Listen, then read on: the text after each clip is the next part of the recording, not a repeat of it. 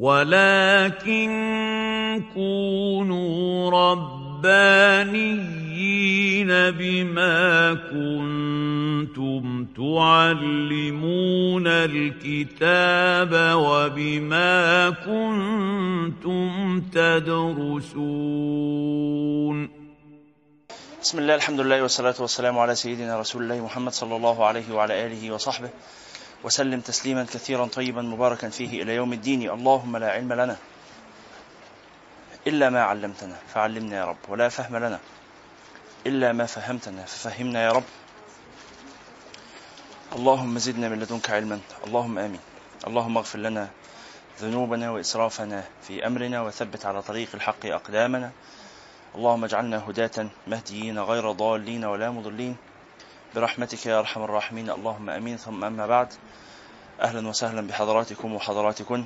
هذا هو اللقاء الرابع عشر في إطار مدرستنا لرسالة المعاونة والمظاهرة والمناصرة للراغبين من المؤمنين في سلوك طريق الآخرة للإمام الحداد باعلوي رحمه الله.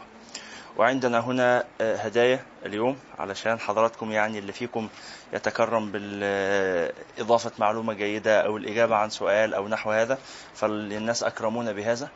الصوت غير مسموع أنا بقول كلام مش مهم أوي. فيعني الفقرة دي متعلقة بهدايا يعني متعلقة بحضراتكم ونحو هذا فلو ما خدتوش بالكم منها يعني مش هيحصل حاجة.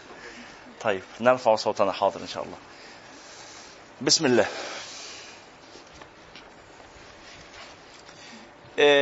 كم موضوع الشيخ اتكلم معنا فيهم حتى الآن؟ 21 موضوع. وهم من الذاكرة إن استطعنا. وهم من الذاكرة إن استطعنا. واحد اليقين وتقويته. اثنين مراقبة. ثلاثة تصحيح النية. أربعة عمارة الأوقات بوظائف العبادات. خمسة صلاة النافلة. ستة قراءة القرآن. سبعة قراءة العلم. ثمانية الذكر. تسعة الفكر. عشرة عشرة نبذ البدع 11 تصحيح العقيدة 12 النظافة 13 آداب. شكرا جزيلا. إيه؟ أداء ال 12 أداء الفرائض واجتناب المحارم 13 آه عمارة آه عفوا آه آداب. إيه؟ آداب النظافة؟ 13 النظافة. طيب. 13 النظافة 14 آداب السنة 15 آه، آه، صلاة الجماعة آداب المساجد وصلاة الجماعة 16 آه، آداب بعد صلاة الجماعة إيه؟ المبادرة بالصلاة بعد كده إحنا وصلنا رقم كام 17 الصيام صلاة الجمعة عفوا إحنا في غلط في الترتيب. رقم 15 إيه؟ رقم 15 المكث في المسجد. 15 آداب المساجد. 15 آداب المساجد. 16 صلاة الجماعة. 17 صلاة الجمعة. 18 آه، آه، الصيام. الزكاة. 19 الصيام. 20 الحج والعمرة. 21 إيه؟ الورع.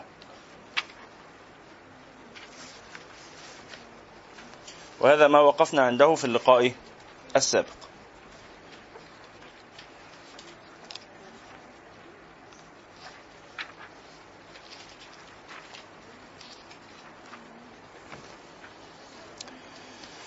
طيب. إحنا في نص الكلام عن الورع صفحة 119 قال وعليك بمعرفة جميع ما حرم عليك لتجنبه. آه، التكييف مضايق الناس اللي في النص؟ هو نازل عليكم. على كام رقم؟ حاضر التكييف على كام؟ رقمه. عشرين؟ طيب. الناس اللي في النص إذا اتضايقوا لأنه مسلط عليكم. إذا اتضايقتم ولو سمحتوا بلغونا وما ما تضغطوش على نفسكم يعني. طيب. صفحة 121 قال واحذر كل الحذر من المعاملة بالربا. من أول الصفحة لو سمحتم. هنبدأ. واحذر كل الحذر من المعاملة بالربا فإنه من الكبائر. قال الله تعالى يا أيها الذين آمنوا اتقوا الله وذروا ما بقي من الربا إن كنتم مؤمنين. فإن لم تفعلوا فأذنوا بحرب من الله ورسوله. وقد لعن رسول الله صلى الله عليه وسلم آكل الربا وموكله وكاتبه وشاهده أو آكل الربا وموكله وكاتبه وشاهده. وجملة القول في الربا أنه يحرم بيع يعني إيه يعني إيه ربا؟ كلمة ربا. الشيخ بيعرفك يعني إيه ربا. بيقول لك الربا هو بيع النقد بمثله كالفضة بالفضة والمطعوم بمثله كالحنطة بالحنطة الحنطة اللي هي إيه؟ القمح. كالحنطة بالحنطة إلا مثلا بمثل يدا بيد. فإن اختلف النوع كالذهب بالفضة والتمر بالحنطة جاز التفاضل ووجد التقابض في الحال ولا ربا في بيع الحيوان بالحيوان والثوب بالثوب والمطعوم بالنقد. اكتبوا عندكم كده في مسألة الربا دي. إذا اتحد الجنسان إذا اتحد الجنسان وجب التماثل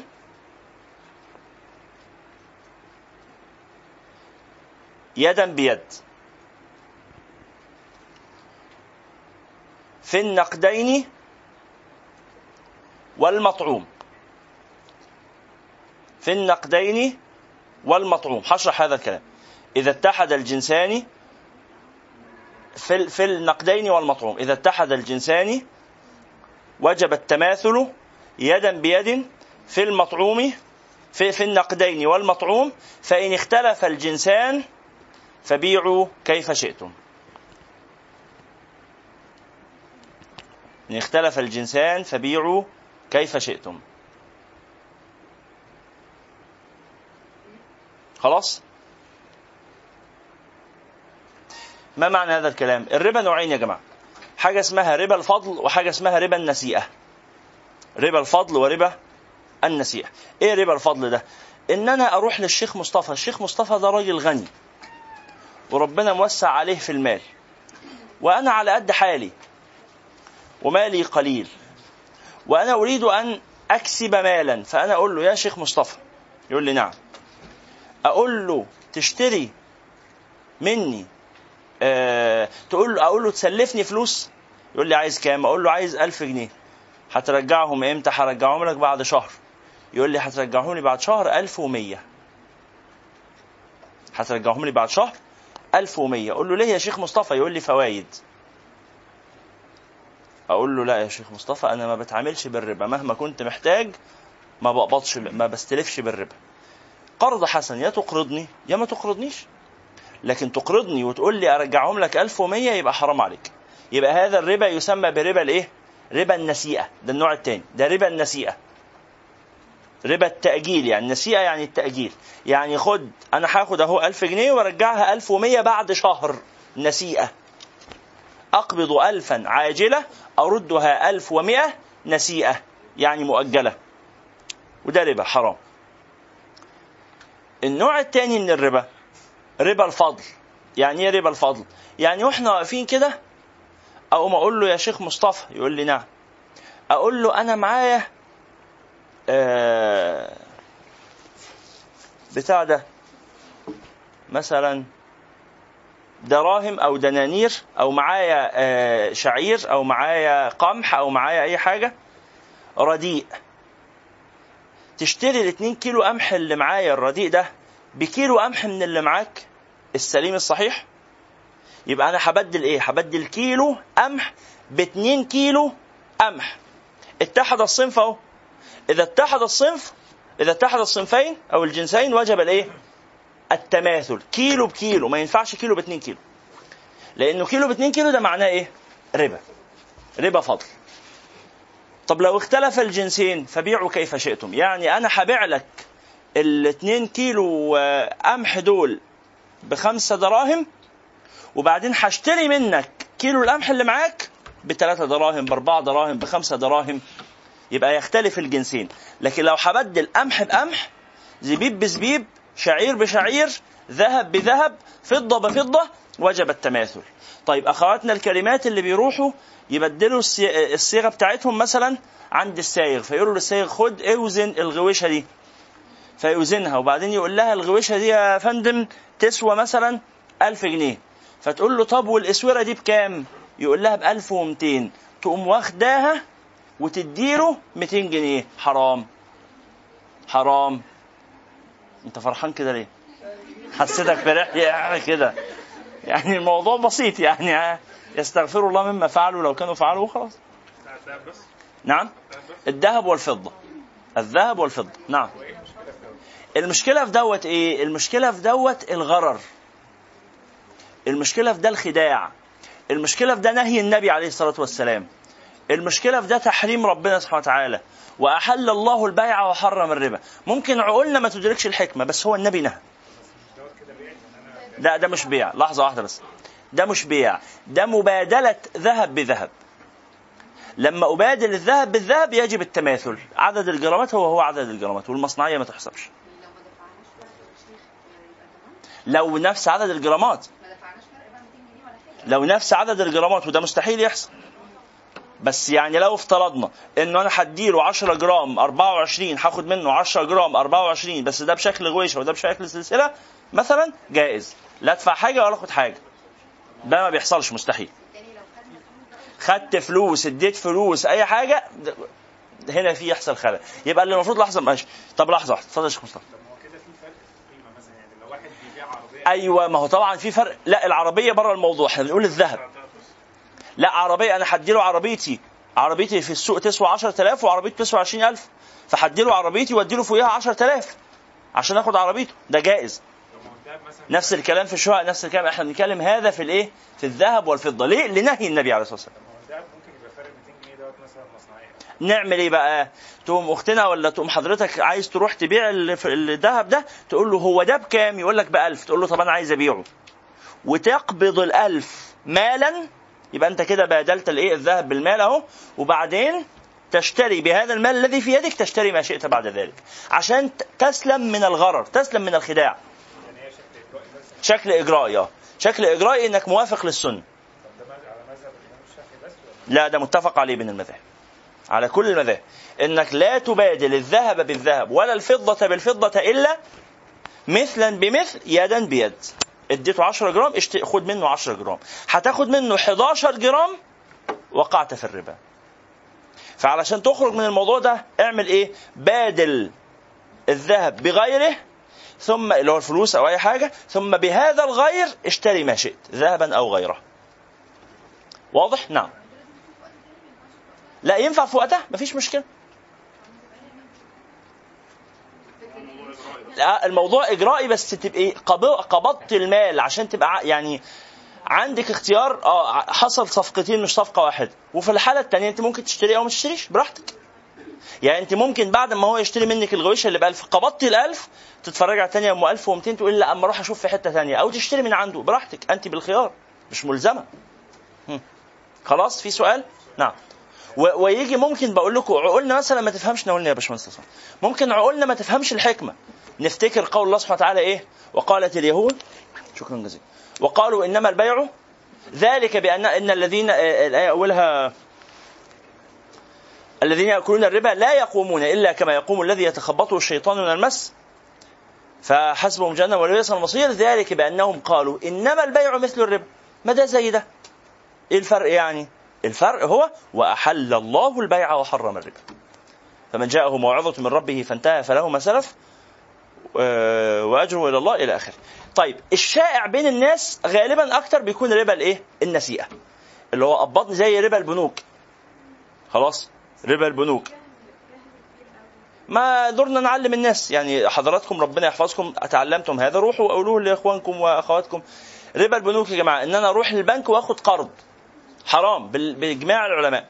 آخد قرض هيديني 5000 واسددهم على سنة 5500 ولا 6000 ولا 7000 ولا أي مكان. حرام. طب شراء العربية؟ لا جائز. طب اشتراك النادي؟ جائز. طب شراء الشقة؟ جائز. ليه الحاجات دي كلها جائزة ليه؟ لأن أنا لم أقبض مالا ثم أرجعه مالا. إنما أخذت سلعة واشتريتها بالتقسيط بزيادة في الثمن وهذا جائز لا إشكال فيه. لحظة. قاعدة في المسألة دي إذا توسطت السلعة فلا ربا. إذا توسطت السلعة فلا ربا. مع أنا ما بدلتش فلوس بفلوس بفلوس. مش إحنا قلنا إذا اختلف الجنسين فبيعوا كيف شئتم؟ اختلف الجنسين هو عربية وفلوس. جنسين مختلفين؟ اتفضل يا سيدي. حتى ولو. لو كنت مثلا تأخرت في سداد الأقساط بيزودوا عليا فلوس غرامه تاخير جائز. لأن ده بمثابة شرط من الشروط اللي في العقد اللي بتضمن مثلا حق الطرفين مش شرط ربوي نعم.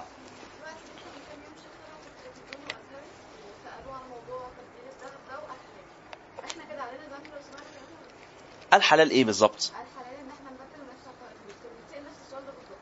لا أدري. آه في ذنب. نعم. لأن أنا مش متأكد يعني من مما فهمتي أو مما قال أو يعني لا أدري بس دي مسألة إجماعية. اتفضل قرض حسن بيترد بعد سنتين ثلاثة بيفقد قيمته في السوق. إيه المشكلة؟ طب لو اتفقوا مثلا قيمته ذهب أو قيمته دولار ينفع ولا كده؟ يعني إيه؟ يعني مثلا هو استلف آه، إيه، اخد ذهب يرجعه ذهب. أنت عايز تحافظ لو سمحت الصوت أخويا الكريم بيقول أنا لما أسلف واحد صاحبي 1000 جنيه هيجي يرجعها لي بعد سنة هيبقى ملهاش قيمة. فقدت قيمتها. فانا ينفع اشترط عليه إني لما أخدها أخدها ذهب أو أخدها دولارات أو كده أخد بقيمتها يعني أخد بقيمة ساعتها. نشوف هو يعني ال ال 1000 جنيه دي كانت تجيب كام؟ يوم ما أخدتها ويجيب لي دولارات بعددها أو بكده لا يجوز. إنما إذا أردت أن تحافظ على قيمة مالك فسلمه له ذهبا. اشتري أنت بال 1000 جنيه اللي مع الجنيهات ذهب واديله ذهب. يقوم هو يرجعه لك ذهب. اشتري دولارات يقوم هو يرجعها لك دولارات. اديته جنيه لازم يرجعها جنيه. نفس الكلام عفوا معلش يا أستاذ. آه نفس الكلام مثلا في مبادلة العملة بالعملة. يجب أن يكون هذا يدا بيد لا نسيئة. لا نسيئة. يعني إيه يعني أنا جيت هشتري منك دولارات. خلاص؟ فهقول لك خد آدي 1000 جنيه أهم ال 1000 جنيه دول يجيبوا كام دولار؟ قول 100 دولار مثلا. خلاص. فهات لي لو سمحت 100 دولار. قبل ما تقول ولا بعد ما تقول؟ قبل الدرس ولا بعده؟ أيوه. هنفترض يعني. ان إحنا كنا لسه من 3 4 أيام أيام ما كان ب 10 جنيه. فاكرين؟ فاكرين الأسبوع اللي فات أيام ما كان الدولار ب 10 جنيه؟ الله العظيم الحمد لله. فجيت يا شيخ مصطفى قلت لك آدي اتفضل 1000 جنيه هات لي 100 دولار. يجب أن تسلمني ال 100 دولار فورا. لو قلت لي طب خلاص هديهم لك بكرة أقول لك طب هات ال 1000 جنيه بتاعتي لما تبقى تجيب ال 100 دولار بتاعتك بكرة باخد ال 1000 جنيه. فهمتوا المسألة؟ يدا بيد فورا. ليه؟ لأنه ممكن من هنا لبكرة ال 1000 جنيه دي قيمتها تتغير تشتري أكتر من 1000 دولار أو أقل الله أعلم. ما تخبطش الفلوس. اتفقت على كلمة وأنا متفق معاك. شرف شرف. متفقين؟ أكيد أكيد. بال 1000 جنيه هاخد منك دولارات بكرة؟ آه. ضامن يا شيخ مصطفى؟ آه ضامن. خلاص. أنا أحافظ على 1000 جنيه بتاعتي في إيدي واجي بكرة إن شاء الله. جبت الدولارات يا شيخ مصطفى؟ آه بس خد بالك ده النهارده بقت ب 11 هنشوف بقى ال 1000 دول يشتروا كام دولار؟ يشتروا 100 دولار يشتروا 90 دولار يشتروا 50 دولار زي ما يكون. واضح؟ نعم.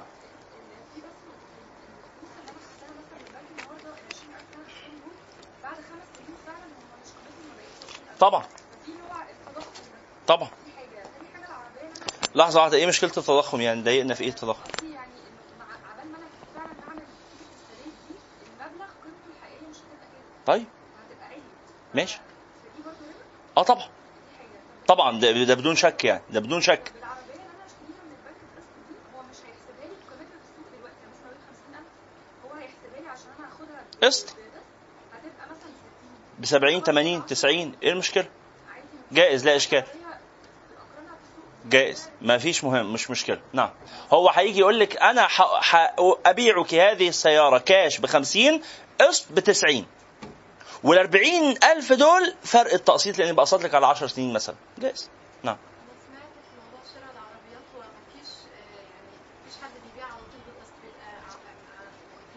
يعني نعم. آه، بتشتري هي العربية نعم.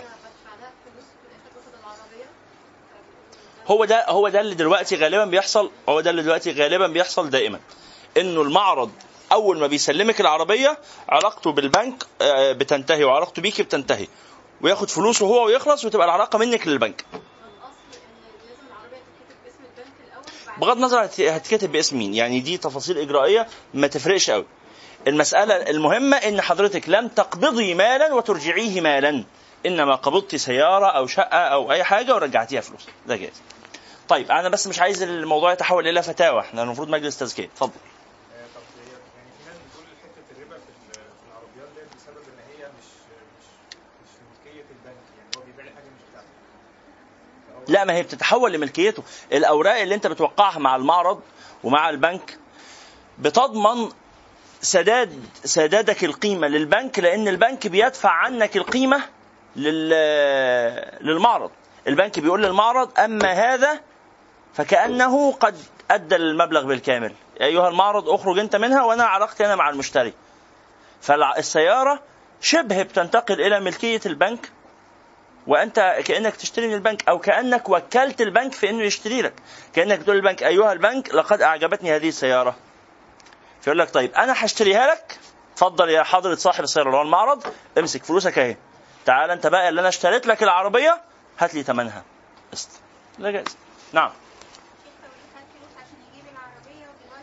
اللي خد فلوس عشان يجيب العربية يعني قبض مالا وهيرجعه لازم حرام هذا الفعل حرام. يعمل إيه؟ يحاول يرجع الفلوس بسرعة عشان يخلص منها لأنه كده داخل في عقد ربوي يستغفر الله سبحانه وتعالى منه ويرجع الفلوس اللي عليه بسرعة عشان ما يموتش وهو متعلق ذمته بربا. بس هو خلاص وقع في الربا والعياذ بالله. نعم. واحد يا أستاذة راح البنك وأخذ قرض شخصي لشراء السيارة فادوا له فلوس في إيده. وقال له روح أنت شوف العربية اللي أنت عايزها واشتريها. وراح بالفعل اشترى العربية أو راح آه، يعني لعب بالفلوس أو راح عمل أي حاجة اتجوز بيها بنته أي حاجة ما يخصناش المهم إن هو دلوقتي قبض مالا وسيرجعه مالا. إيه حكم ده؟ حرام طبعا. طب يعمل إيه عشان يخلص من القصة دي؟ يحاول يقلل المدة. يسرع بسرعة بدل ما هو الأقساط مثلا على خمس سنين يخليها على أربعة على ثلاثة على اثنين بحيث يخلص من هذا العبء الذي عليه ولو معاه فلوس كاش في إيده يجب عليه فورا. لو معاه كاش في ايده يجب عليه فورا ان هو يسلم كل الفلوس اللي معاه للبنك عشان يخرج من إيه هذا العقد الربوي. وبيسقطوا عنه كمان نسبة من الفوائد يعني. مضطر ليه؟ لا على حسب مش ما ينفعش لأي ظرف. لازم نوع الظرف. ضروري لإيه؟ ديون لا ما ياخدش ما ياخدش بالربا عشان الديون. بس ديون هيتحبس فيها آه ممكن.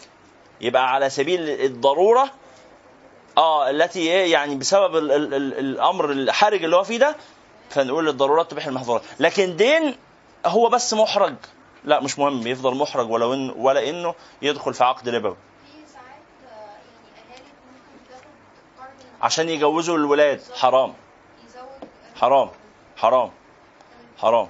ياخد قرض من البنك أو ياخد قرض من الشغل أو حاجة عشان يجوز ابنه أو بنته ويرجعها بزيادة حرام. لكن ساعات بيعملوا إيه بقى؟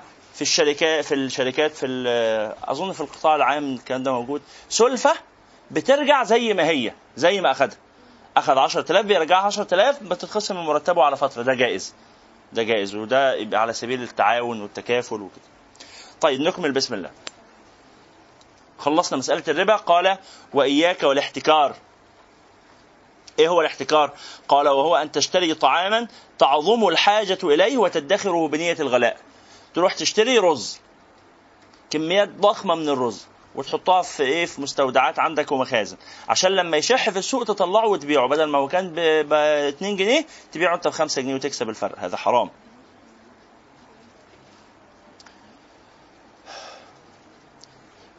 طب حرام ليه؟ ما هي تجارة. والتجارة شطارة.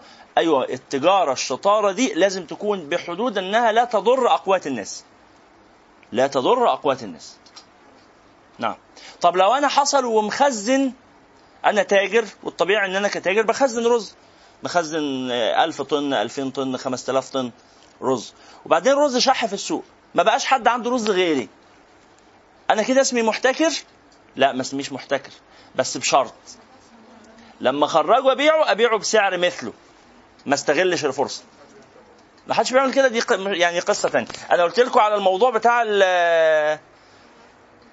ال- العصير ده المرة اللي فاتت صح؟ بتاعت آه، عصير الغالي في هولندا. آه صح؟ ف- فطبعا اللي بيحصل نسأل الله السلامة والعافية. نعم سؤال؟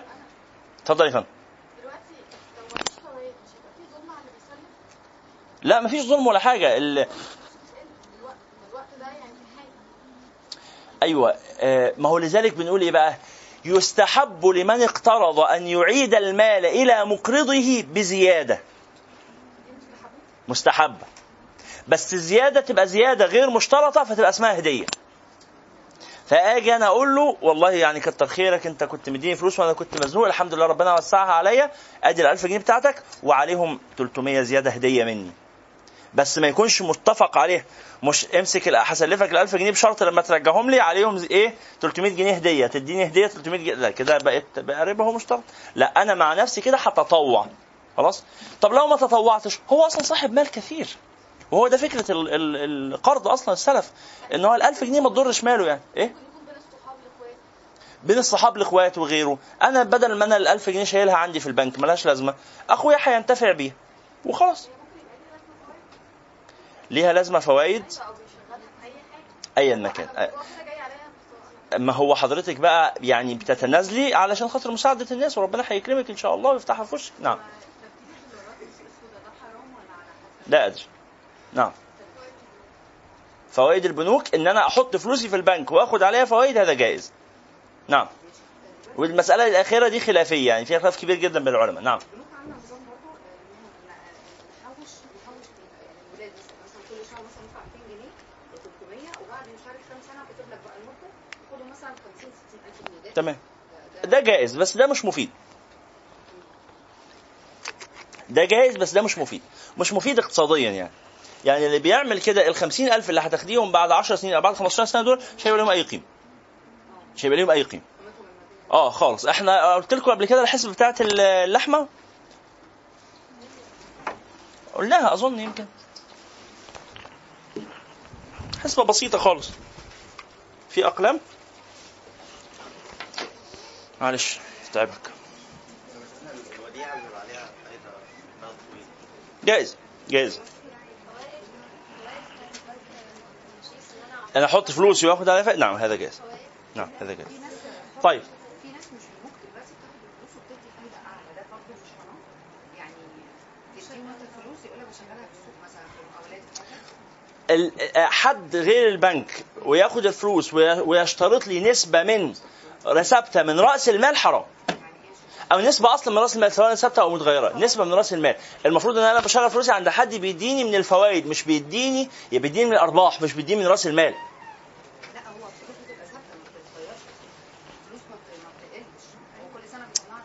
هو ده. هو ده حرام. ده حرام؟ ده حرام آه. شوفوا سنة 70 لو سمحتوا سنة 70 كان كيلو اللحمة 50 قرش سنة 2010 كان كيلو اللحمة 70 جنيه معناها زاد قد إيه؟ من نص إلى 70 كم ضعف دي؟ 140 ضعف. 140 ضعف في مدة قد إيه؟ 40 سنة. يبقى مسافة 40 سنة زاد 140 ضعف. يعني يعني أهي 50 في 140 بنفس المعدل سنة 200 سنة 2050 70 في 140 9800 كيلو اللحمة إن شاء الله هتشوفوا ربنا يديكم الصحة في حياتكم وحياة عيالكم. تدي للواد 10000 جنيه وتقول له روح اشتري لنا كيلو لحمة والجرنان. ب 10000 جنيه.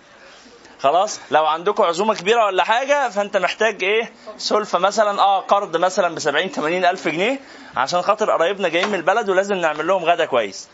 أنا ذهبت مع أصدقائي في لبنان قعدنا اتعشينا في رمضان. آه كنا بنفطر.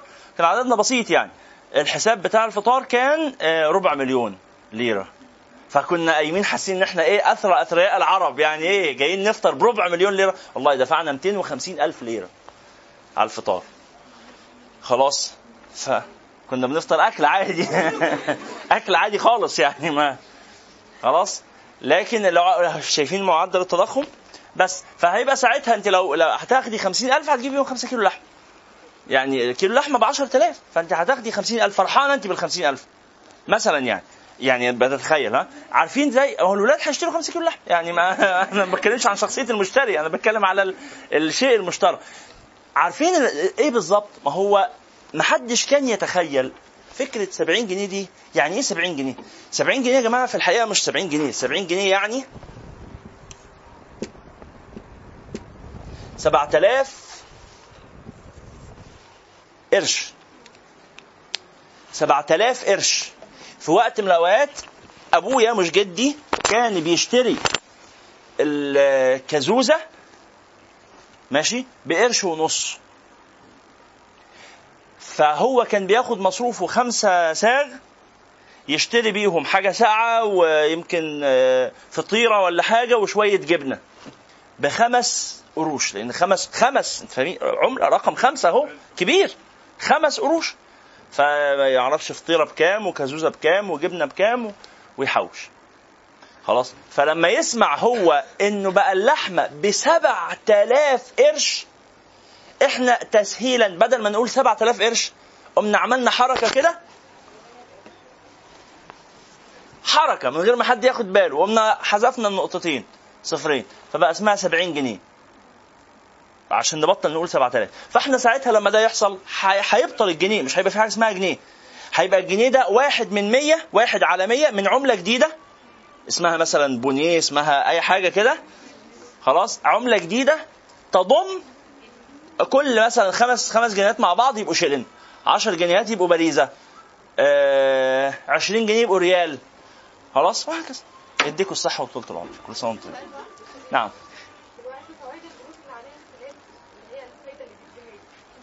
على ف... معلش عذرا. على ذكر هذا أول أمس كنت أشتري شيئا من أحد السوبر ماركتات. من أحد المحلات وأعطاني الباقي جنيه ورق. رجع فعلا؟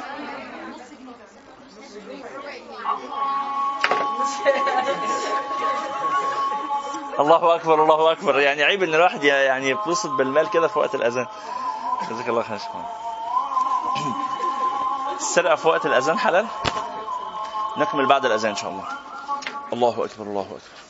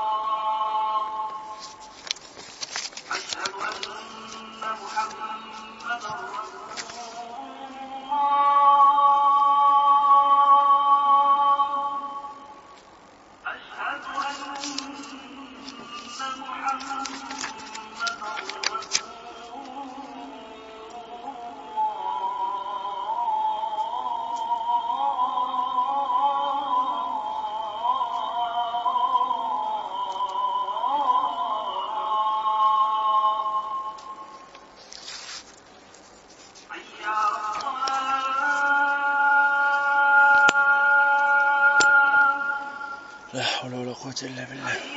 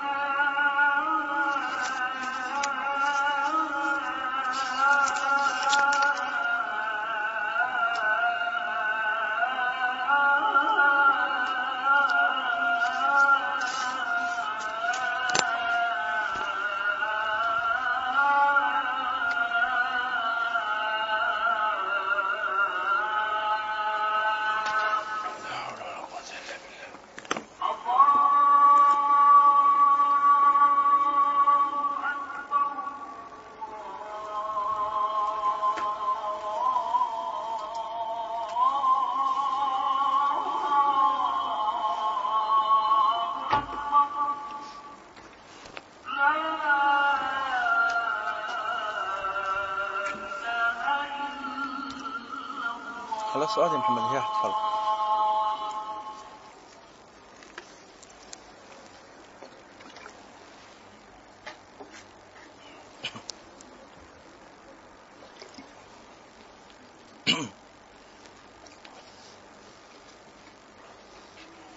خليها تتحرك عند الإخوات.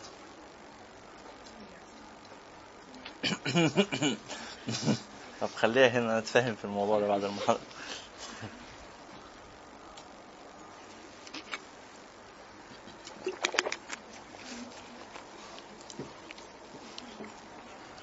اللهم رب هذه الدعوة التامة والصلاة القائمة. آت سيدنا محمد الوسيلة والفضيلة والدرجة العالية الرفيعة. وابعثه اللهم المقام المحمود الذي وعدته. وصل اللهم على سيدنا محمد وعلى آله وصحبه وسلم.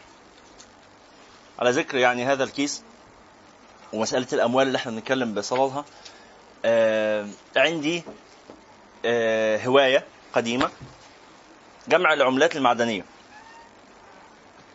وعليكم السلام ورحمة الله وبركاته. حتى أني أجمعها في مثل هذا الكيس وكونت أكياس كثيرة جدا. وصل وزنها إلى نحو آه، يعني 15 كيلو جرام آه، من الشلينات والبرايز. ثم آه، أصبحت قليلة جدا في السوق. لا تكاد تكون موجودة. لا لم أبيعها. لسه بدري. و... دي هواية. مش ممكن أفرط في هوايتي غير بعد 20 سنة عشان تعمل فلوس كويسة. و... وأصبحت إيه أجمع الربع جنيهات. لغاية اما ملت أربع خمس أكياس من هذا ربع جنيه. وبعدين أصبح قليل فابتديت إيه أقرب من النص جنيه. ابتديت أجمع منه شوية وبعدين حسيت إن هو كتير. يعني لا يعني ده مبلغ كبير. يعني إن أنا أجمع إنصاص جنيهات. لأنه بالبلايز والشرينات كل ما جمعته كرتونة كبيرة كده كفلوس 120 جنيه. هي كرتونة كبيرة لكن ما يعني مش مش هشتري بيها حاجة يعني. أو هتتصرف بسرعة وهتخلص وبتاع. لكن الجنيهات دي لو هبتدي أجمع بيها لا ممكن يوصل مثلا 1000 جنيه ولا حاجة. يبدو باللي بيحصل الأيام دي إنه آه هبتدي أتجه ناحية مسألة بقى الجنيهات وكده. آه خلاص يعني إيه. يعني لما يبقى عندك 1000 جنيه بدل ما تشتري جرنان لا حوشه يعني. تاني حقيقي؟ بس ده عجيب لأنه في الجنيه المفروض بيستهلك الورق بيستهلك. هو بيستهلك آه. التاني بيبقى بيقعد أكتر يعني. بيقعد ست شهور ده ممكن يقعد خمس سنين كويس. سبحان الله. عجيب. آه، أستاذي كان أبوه بيشتغل موظف في الحكومة. وكان مرتبه 3 جنيه. الكلام ده كان أيام الملك فؤاد. وكان مرتبه 3 جنيه. فكان لما يروح للصراف في الخزنة فالصراف يقول له تقبض بالورق جنيهات الورق ولا الذهب؟ ما أنت ممكن تاخد 3 جنيه ورق أو تاخد 3 جنيه ذهب. فيقوم يقول له أنت هتستقرضني بالورق طبعا لأن جنيه الذهب ب 97 قرش. في فرق ثلاث قروش لصالح الجنيه الورق. الجنيه الورق أغلى. دلوقتي الجنيه الذهب بكام؟ 4000 4200 جنيه. 4200 جنيه تقريبا. يعني إيه؟ الحمد لله. قال لك أنا كنت عايز أقول للأستاذ يعني إيه ما كنتش تخلي الحاج يسدد قوي في الموضوع ده. كان قبض جنيهات دهب وحوشها. الله المستعان. طيب. عندي مجموعة من الأسئلة المهمة والجيدة. هنبدأ نجاوب عليها. بسم الله. بعد القراءة. قال وإياك والاحتكار. وهو أن تشتري طعاما تعظم الحاجة إليه وتدخر بنية الغلاء. والأمر الثالث هو إيه بقى الثاني والأول ده؟ إيه؟ ال- ال- الاحتكار في الطعام الذي تكثر الحاجة إليه. الأقوات لكن واحد محتكر الكافيار ما يحتكره. يعني مش مهم. وغلى في سعره. طب ما يغلي. إن شاء الله ياخد فلوسهم كلهم. هم اللي بيشتروا اللي بياكلوا الكافيار دول مين؟ اللي بياكل الكافيار. آه بتكلم بجد. اللي بياكل الكافيار دول الناس اللي ربنا كرمهم ومعاهم فلوس ومش عارفين يعملوا بيها إيه فزهقانين فبيروحوا يشتروا كافيار ياكلوه ما ما الراجل قال لك يعني إيه كافيار؟ ده بعيد عنك يا حاجة كده. يا اللهم احفظنا. أنا- حاجة مش كويسة يا شيخ بدر. ربنا يعافينا يا ابني. الحمد لله. إحنا إحنا في نعمة يا شيخ بدر والله. والله إحنا في نعمة. هو لو شاف الكافيار ده ممكن يغمى عليه. خلاص. فلا ده يحتكروه أحسن يعني. يحتكروه عشان ما يجيلناش جلطه أنا والشيخ بدر. بكام الكافيار دلوقتي؟ مفيش واحد فيكم ربنا يكرمكم. نتشعبط في رضا ربنا. إحنا بنحاول نعيش. والأمر الثالث. طب كان إيه الأول والثاني مش سامع. إيه الأول والثاني ها؟ الأولاني. ترك الغش. والثاني الاحتراز في المعاملات عشان الربا. الثالث الانهماك في شهوات الدنيا. طب هو الثلاثه دول تحت عنوان اسمه إيه؟ الحاجات اللي بيقع فيها أهل الدين. إنه إنه أهل الدين مش هيجي لهم الشيطان يخليهم يعملوا الكبائر ولا يعملوا المنكرات ولا لأ. هو بيدخل لهم من مثل هذه الإيه؟ المداخل. فالمدخل الأول كان آه فين بقى؟ 120 فوق. ترك التفتيش في موضعه. والثاني عدم الاحتراز من المعاملات الفاسدة. والثالث الانهماك في شهوات الدنيا والتبسط في ملذوذاتها. فعند ذلك يعسر الورع ويضيق الحلال فإن هذا سرف والحلال لا يحتمل السرف. وأما من غرضه من الدنيا أخذ قدر الضرورة أو الحاجة فالورع ميسر له. يعني اللي عايش بياخد من الحاجات على قد ما يقدر يعيش سهل عليه مسألة الورع. لكن اللي مسرف على نفسه ده هيتورع من إيه ولا إيه؟ حياته مليانة يعني شهوات. قال حجة الإسلام نفع الله به وإذا قنعت في السنة بقميص خشن وفي اليوم والليلة برغيفين من الخش آه، من الخشكار إيه الخشكار ده؟ آه، خبز الشعير. خبز الشعير.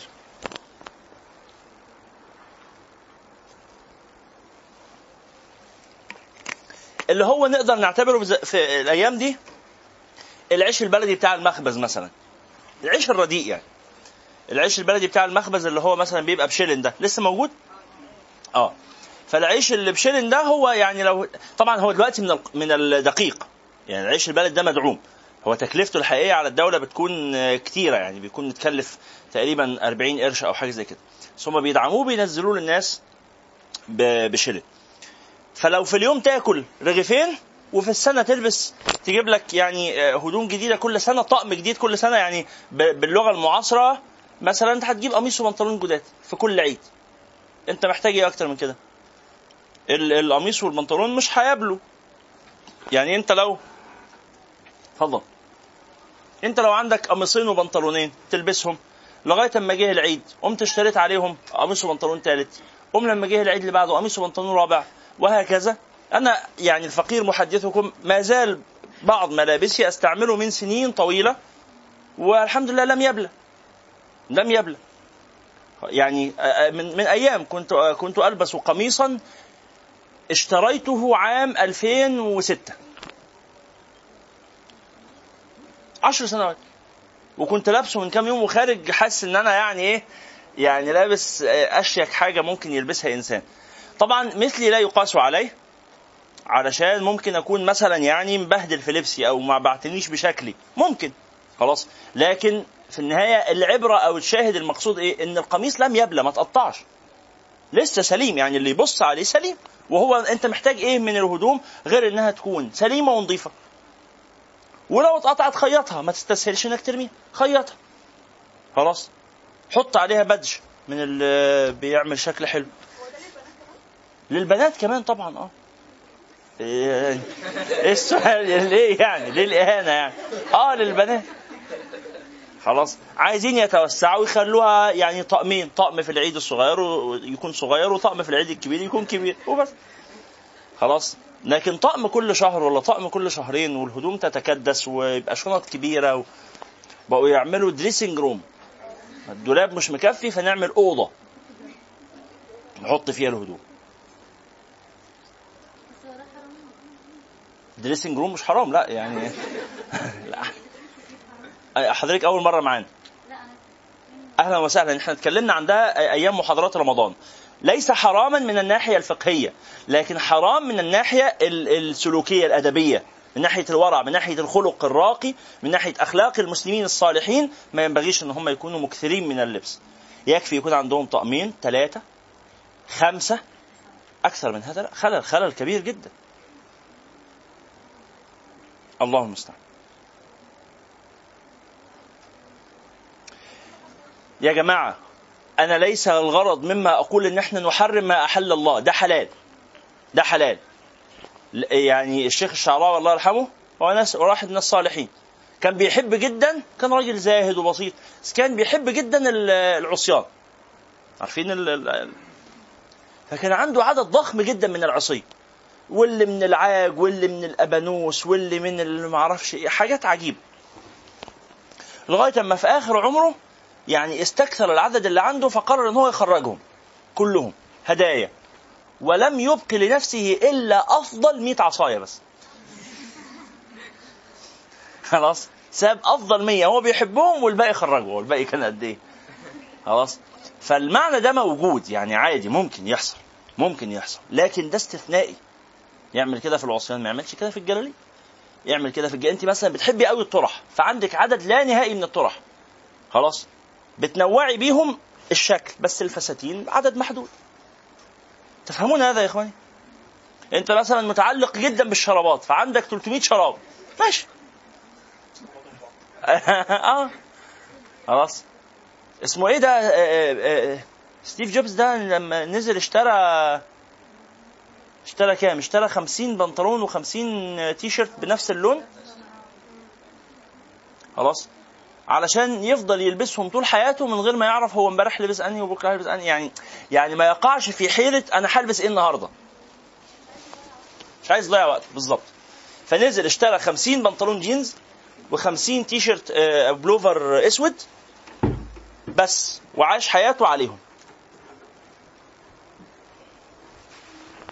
ويطلع في كل المؤتمرات ويقابل رؤساء الدول وكل حاجة بنفس البنطلون الجينز والتيشيرت ال- والبتاع ده والبلوفر ال- الأسود ده. اللهم صل على سيدنا محمد. بسم الله. قال والأمر الثالث الانهماك في شهوات الدنيا والت... والتبسط في ملذوذاتها. انتهينا من هذا. طيب قال حجة الإسلام نفع الله. حجة الإسلام عن الإمام الغزالي أو الغزالي حجة الإسلام نفع الله به. وإذا قنعت في السنة بقميص خشن. مش لازم يبقى خشن يا سيدي قميص عادي. بس طقم في السنة. وفي اليوم والليلة برغيفين من الخشك آه، من الخشكار لم يعوزك من الحلال ما يكفيك. يعني مش هتقع في مطب أو في مزنق إن أنت بتحاول تكسب الفلوس من اليمين والشمال عشان تعرف تعيش. اللي بيحاول يكسب من الفلوس من اليمين والشمال عشان يعرف يعيش هو بالحقيقة بيحاول يعرف يعيش في مستوى معين هو اعتبر إن هو أساسي. تفهمون هذا؟ يعني خلاص إحنا بقينا معتبرين إن في حاجات معينة كده في الحياة دي أساسيات ما نقدرش نستغنى عنها. فأنا ما أقدرش أستوعب مثلا إن أنا أسكن في منطقة بشكل معين أنا لازم المنطقة اللي ساكن فيها ليها شكل ما. خلاص إحدى ال- ال- البنات نعرفهم. عاملة مشكلة مع جوزها ومتضايقة جدا علشان مقعدها مثلا في شقة في منطقة من وجهة نظرها مش ولا بد. المنطقة اللي من وجهة نظرها مش ولا بد دي اللي هي فين؟ اللي هي عباس العقاد. زحمة. والشارع ضيق والعمارات قديمة. فهي حاسة إنه يعني المنطقة شعبية وكده ده حقيقي. فهي عاملة مشكلة مع جوزها إنه لازم ينقلوا ويروحوا بقى في أي كومباوند ولا في أي بتاع. إيه؟ يروحوا الجنة. أيوة. حاسس إنك هتروح تسفرهم يعني. يروحوا الجنة دي أنت بتقولها بطريقة إن إيه؟ طيب ماشي. أنا رايح. مش عاجباها الشقة هسكن أنا فيها. يروحوا الجنة بقى. بالراحة يا أخي مش كده؟ مش كده؟ الرحمة حلوة. والله نظرته إن هو فعلا هيروح يسفرهم على الجنة دلوقتي.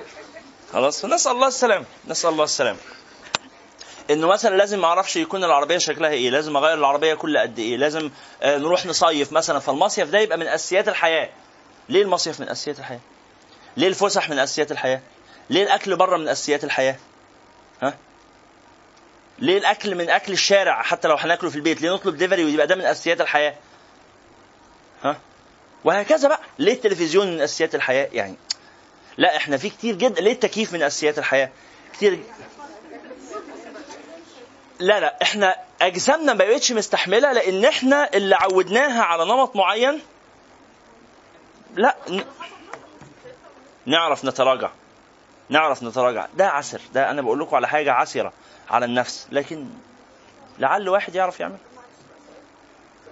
لقد رأيتنا منذ عام في مثل هذه الأجواء من العام السابق. كنا في مكان آه، فيه عدد كبير من الناس. عدد كبير جدا من الناس في حجرة واحدة. ومن باب العشم إن إحنا بنحب بعض فحابين نقعد مع بعض ولم يكن عندنا لا تكييف ولا مروحة. لا تكييف ولا مروحة. في مثل هذا الشهر في كان ساعتها موجات الحر لو تفتكروا في رمضان كان الناس بيموتوا فيها.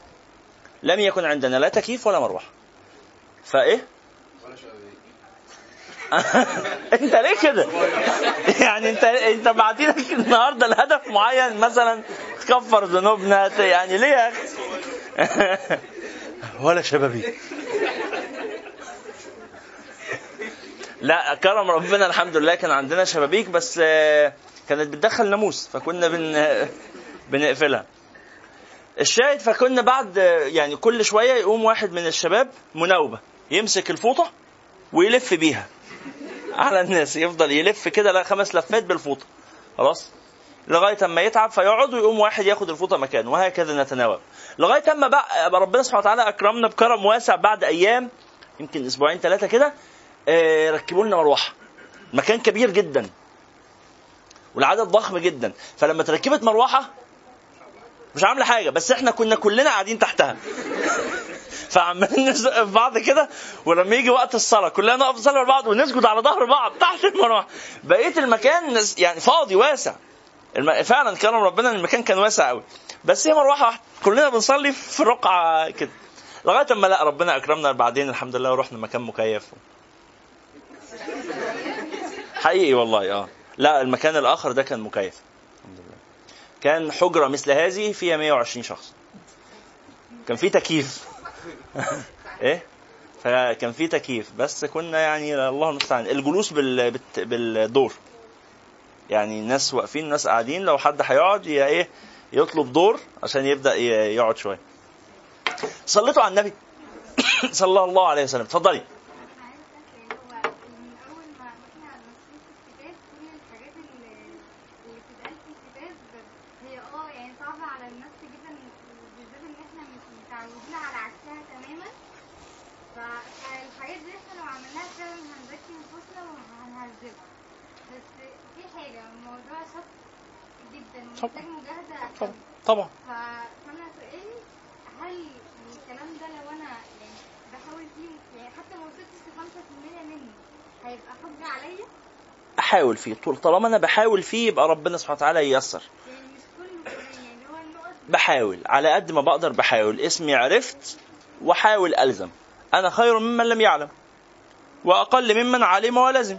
فهي يعني أول اللزوم العلم فالأول أعرف. فأنا يعني هذا يعني بداية الخير إن شاء الله طالما بحاول. اتفضل ان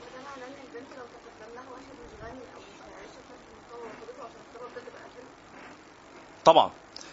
أه بس تبقى آثمة مش فقها تبقى آثمة أدبا. النبي عليه الصلاة والسلام يقول إذا جاءكم من ترضون خلقه ودينه ولم يقل ماله. وربنا سبحانه وتعالى يقول إيه؟ إن يكونوا فقراء يغنيهم الله من فضله. خلاص. ف بعض مثلا ال- البنات يكون هي عايزة تعيش في بيت جوزها بالظروف اللي هي عايشة فيها في بيت أبوها. أبوها ده اللي بقاله متخرج وبيشتغل بقاله 30 40 سنة. أكيد يعني جوزها اللي لسه متخرج بقاله سنتين ثلاثة خمسة مش هيبقى زي أبوها اللي بقاله 20 50 سنة ولا 40 سنة وحوش وبقى عنده ثروة وسافر اشتغل بره. مش ممكن تعيش في نفس الحياة. وارد. وارد. بس هيبقى جوزها ده معتمد على مال أهله. جائز إنها تبحث عن هذا. بس ليس هذا طريق الكمال. نعم إذا أخرت الزواج لأجل هذا فقط. يعني جالها ناس من أهل الخلق ومن أهل الدين وناس عندهم آه، آه، آه، يعني احترام وناس هي قبلاهم نفسيا. لأنه برضه ممكن تكون نفرة منه نفسيا دي حاجة تانية. بس هي متقبلاه نفسيا بس هو عيب إنه فقير. فرفضته لأجل هذا المعنى. في مشكلة كبيرة طبعا. طيب بسم الله.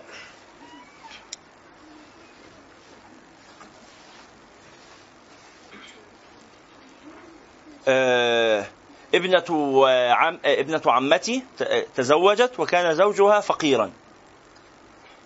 أو يعني على قد حاله يعني مش فقير بس معقول يعني. أبوها ما شاء الله اللي هو جوز عمتي ما شاء الله ربنا كرمه وعنده تجارة كبيرة وعنده يعني آه، رزق واسع جدا. فلما اتجوزت كانت يعني حاسة بصعوبة في الحياة لكن ربنا أكرمها وصبرت مع جوزها. الآن زوجها أغنى من أبيها. بعد 15 سنة جواز.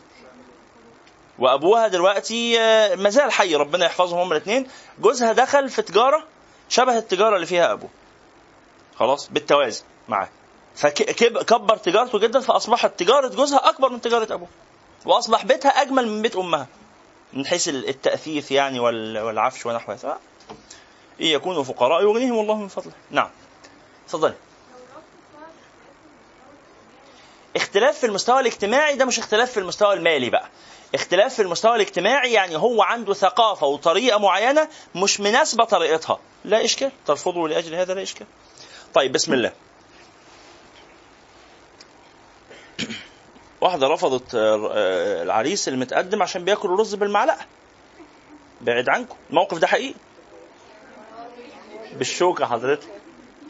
الرز بيتاكل بالشوكة. بعيد عنك. إيه؟ غلطان إنه اتقدم صح؟ آه والله. رفضته لاجل هذا؟ لأنه هو إيه ده؟ ده مش مش عارف الإتيكيت بياكل الرز بالمعلقة. المعلقة ما يتاكلش بيها غير ال- الشرب لكن الرز بيتاكل بالشوكة. حاجة يعني توجع البطن يعني. خلاص؟ آه. خلاص بقى يعني هي إيه؟ ما يتردش عليها يعني.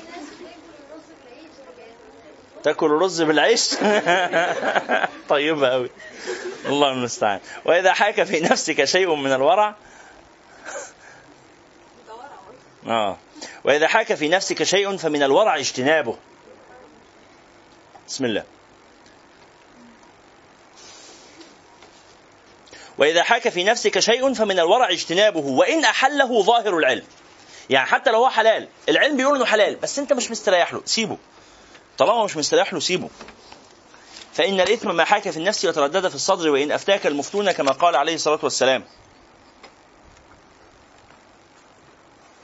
حاضر وهذا خاص بمن له قلب مستنير وفي جانب الكف دون الأخذ. آه. شفتوا بقى في جانب الكف دون الأخذ دي؟ القاعدة اللي قلناها قبل كده؟ الور... آه... استفتي قلبك. هذا حديث في الإيه؟ في الورع والترك لا في الإقدام والفعل. في الكف. أنا مش هعمل ده لكن دون الأخذ. ولا تحسب أن الورع خاص بالمطعوم والملبوس بل هو عام في جميع الأمور ولكن ينبغي لك إذا كان في يدك حلال وأحل منه أو حلال وشبهة أن تقدم المطعوم بما كان أحل وأطيب فإن المدار كله على الغذاء وللطعمة من الحلال أثر كبير في تنوير القلب ونشاط الجوارح للعبادة. وقد قال بعض السلف كل ما شئت فمثله تعمل دي قاعدة مهمة جدا. كل ما شئت فمثله تعمل يعني يعني كل من الحلال تعمل الحلال. كل من الحرام تعمل الحرام. وقال إبراهيم بن أدهم رحمه الله أطب مطعمك وما عليك ألا تقوم الليل ولا تصوم النهار. يعني ممكن تكون من المتعبدين وتأكل من الحرام، آه عبادتك كلها ضائعة. كما في الحديث ها؟ آه إيه رب أشعث أغبر إن الله تعالى طيب لا يقبل إلا طيبا وإن الله أمر المؤمنين بما أمر به المرسلين فقال يا أيها الرسل كلوا من الطيبات واعملوا صالحا وقال يا أيها الذين آمنوا كلوا من طيبات ما رزقناكم واشكروا لله. ثم ذكر الرجل يطيل السفر أشعث أغبر آه، يمد يديه إلى السماء يا رب يا رب. ومطعمه حرام ومشربه حرام وملبسه حرام وغذي بالحرام فأنى يستجاب له. أهو ده مسافر ومضطر وحالته صعبة وأشعث وأغبر ويدعو الله يا رب يا رب ولا يستجاب له. نعم. ثم قال فصل وعليك بالأمر بالمعروف والنهي عن المنكر. ده الموضوع رقم 22 22 شيخ محمد فين التليفون؟ تعبك؟ تليفون نجيبه تجيب لي التليفون بس قال فصل وعليك ب... نعم شكرا جزيلا. عفوا لا أسمعك.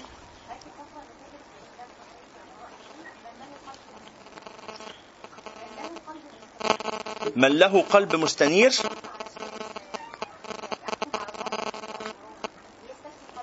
نعم.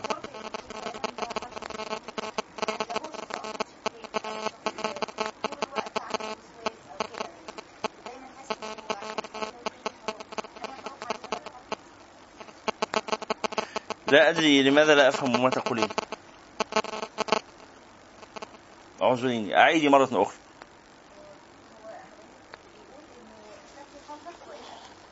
جيد.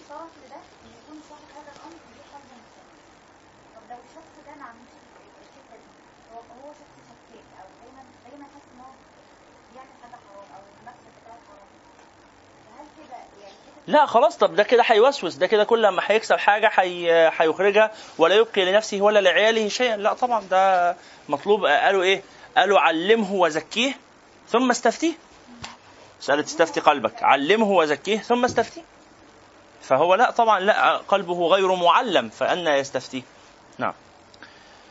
قال فصل وعليك بالأمر بالمعروف والنهي عن المنكر فإنه القطب الذي عليه مدار أمر الدين. ولأجله أنزل الله الكتب وأرسل المرسلين وقد انعقد على وجوبه إجماع المسلمين وتظاهرت نصوص الكتاب والسنة على الأمر به والتحذير من تركه. قال الله تعالى ولتكن منكم أمة يدعون إلى الخير ويأمرون بالمعروف وينهون عن المنكر وأولئك هم المفلحون. وقد وصف الله المؤمنين في غير موضع من كتابه بالأمر بالمعروف والنهي عن المنكر وقدم وصفهم به في بعض المواضيع على الإيمان وفي بعضها على إقامة الصلاة وإيتاء الزكاة. قال تعالى لعن الذين كفروا من بني إسرائيل على لسان داود وعيسى بن مريم ذلك بما عصوا وكانوا يعتدون كانوا لا يتناهون عن منكر فعلوه لبئس ما كانوا يفعلون. وقال تعالى واتقوا فتنة لا تصيبن الذين ظلموا منكم خاصة. الأمر بالمعروف والنهي عن المنكر هو الجهاز المناعي في المجتمع. علامة صحة المجتمع. إذا كان المجتمع لا يأمر بالمعروف ولا ينهى عن المنكر هذا مجتمع ضائع هذا مجتمع ميت. هذا مجتمع ميت. لعلكم آه، كان في آه، برنامج في رمضان آه، جيد جدا. يعني أنا رأيت منه حلقة واحدة وعزمت على أن أشاهد باقي الحلقات غير أني لم أفعل. لم أفعل لعامل الوقت يعني. وأظن أني إن شاء الله سأجتهد أن أفعل هذا. اسمه الصدمة. الصدمة. آه، قائمة فكرته على إن هم يجوا في الشارع في في سوبر ماركت ولا في صيدلية ولا حاجة ويجي واحد يعمل فعل قبيح ويشوف ردود أفعال الناس. في كتير جدا جدا من الحالات الناس بتعمل نفسها مش واخدة بالها. الناس بتمشي وقليل اللي بيتصدر وقليل اللي بيقف ويزعق وإيه اللي انت بتعمله ده وما يصحش إلى آخره. النبي عليه الصلاة والسلام يقول لا تأمرن بالمعروف ولا تنهون عن المنكر ولا تأخذن على يد الظالم أو ليوشكن الله أن يعمكم بعذاب ثم تدعون فلا يستجاب لكم. خلاص. ترفع إجابة الدعاء بسبب أنه الأمة تركت هذه الفريضة والله سبحانه وتعالى لما كرم المسلمين قال إيه؟ كنتم خير أمة أخرجت للناس. إيه علامة التكريم؟ تأمرون بالمعروف وتنهون عن المنكر وتؤمنون بالله. ولو آمن أهل الكتاب لكان خير لهم. لو أهل الكتاب كانوا عملوا الحاجات دي كانوا فضلوا خير أمة. بس هم لأنهم تركوا الأمر بالمعروف والنهي عن المنكر استبدلوا بكم. وأنتم إذا تركتم الأمر بالمعروف والنهي عن المنكر تستبدلون بغيركم. نعم.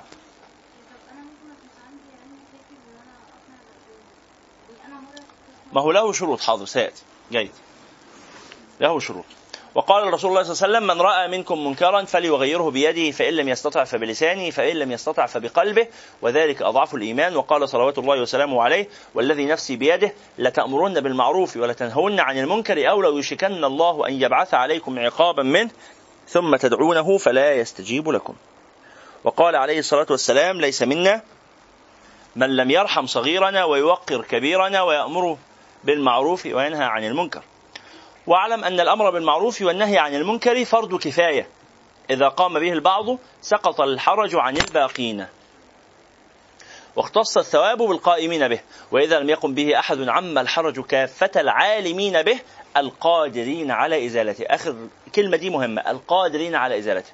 وإلا فهناك منكرات كثيرة جدا نعلمها لكن لا نقدر على إزالتها. فهل نأثم بها؟ لا لا نأثم لأن لا نقدر على إزالتها. طب والقدرة دي مين اللي بيحددها؟ الشخص. كل واحد مع نفسه. في حدود ما سمح به الشرع. من رأى منكم منكرا فليغيره بيده. فليغيره. النبي أوجب التغيير. أوجب التغيير. لكن نوع الأداة. التغيير واجب. لكن إزاي؟ على حسب. بيده. ده ولي الأمر. لحظة واحدة. لحظة واحدة يا أستاذ. بيده. ده ولي الأمر. فإن لم يستطع فبلسانه. ده العلماء والمصلحين. فإن لم يستطع فبقلبه ده ضعفاء الناس. إحنا بقى فأني فيهم؟ على حسب كل واحد غير التاني. لعل فينا من المصلحين. ولعل وموقف كل موقف غير التاني وكل منكر غير التاني. الساكت عن الحق شيطان أخرس. أنا قاعد في شغلي ولقيتهم بيعملوا فضيحة أخلاقية في الشغل. لا يا عم ماليش دعوة يا عم. ليه؟ ما أنا أقدر لو صيحت بس كده وعليت صوتي ولميت الدنيا الكارثة اللي بتحصل دي هتترفع. ولن يصيبني أذى. لكن أنا لو خفت على حياتي من القتل أو من ضرر شديد يلحقها إن تكلمت يجوز لي أن أسكت استثناء اضطرارا بس مع الغضب ومغادرة المكان. ما ينفعش. أفضل قاعد وأقول أنا بغير بقلبي. وأنا قاعد وهم بيعملوا المنكر والله بيشربوا خمرة. يا ربنا يهديهم. مش كويسين الناس دول. أنا بحبش والله أشرب معاهم يلا خير. قلت له هنعمل إيه؟ وإحنا قاعدين لسه شغالين على نفس الترابيزة هم بيشربوا وأنا ما بشربش حرام طبعا. يجب أن أغادر المكان ده لحد الان خلاص؟ الله. وقلنا كل ضرر كل منكر غير التاني. ووسائل التغيير دي أنت اللي تحددها على حسب السياق والواقع اللي أنت عايشه. والواجب عليك. إذا رأيت من يترك معروفا. واحد وقت الصلاة ما بيصليش. زميلك في الشغل. وانتوا قاعدين في الشغل من العصر للم... من الظهر للعصر. يعني مفيش فرصة. هو قاعد من الظهر للعصر على مكتبه ما قامش يصلي. انت قمت تصلي الظهر. يلا يا فلان تعالى صلاة الظهر. يقول لك طب ماشي كمان شوية. صلي الظهر وترجع تقعد. شوية كده تقول له يا فلان الحق عشان العصر خلاص قرب يأذن. ما قامش. قبل العصر ب 10 دقايق فلان بقى 10 دقايق على العصر. ما قامش. خلاص. تبلغت وعملت اللي عليك. تاني يوم نفس الكلام. أجتهد بقى. على حسب بقى قدرتي وعلمي ومهارتي اللسانية وذكائي الاجتماعي وحفظ القرآن والسنة طبعا أجتهد. وأروح أحضر. أبقى مشغول بحاله. لأن هو في واحد أعرفه ما بيصليش. فاهمين الحالة دي؟ فأنا أتحرك شوقا لأجل إصلاحه. فأروح أحضر وأقرأ وكده عشان أجي تاني يوم. عشان أقوم سايب له ورقة على المكتب. فيها حديث قال الرسول صلى الله عليه وسلم حاجة في فضل الصلاة. فنشوفكم على خير وصلى الله على سيدنا محمد وعلى آله والسلام عليكم ورحمة الله وبركاته.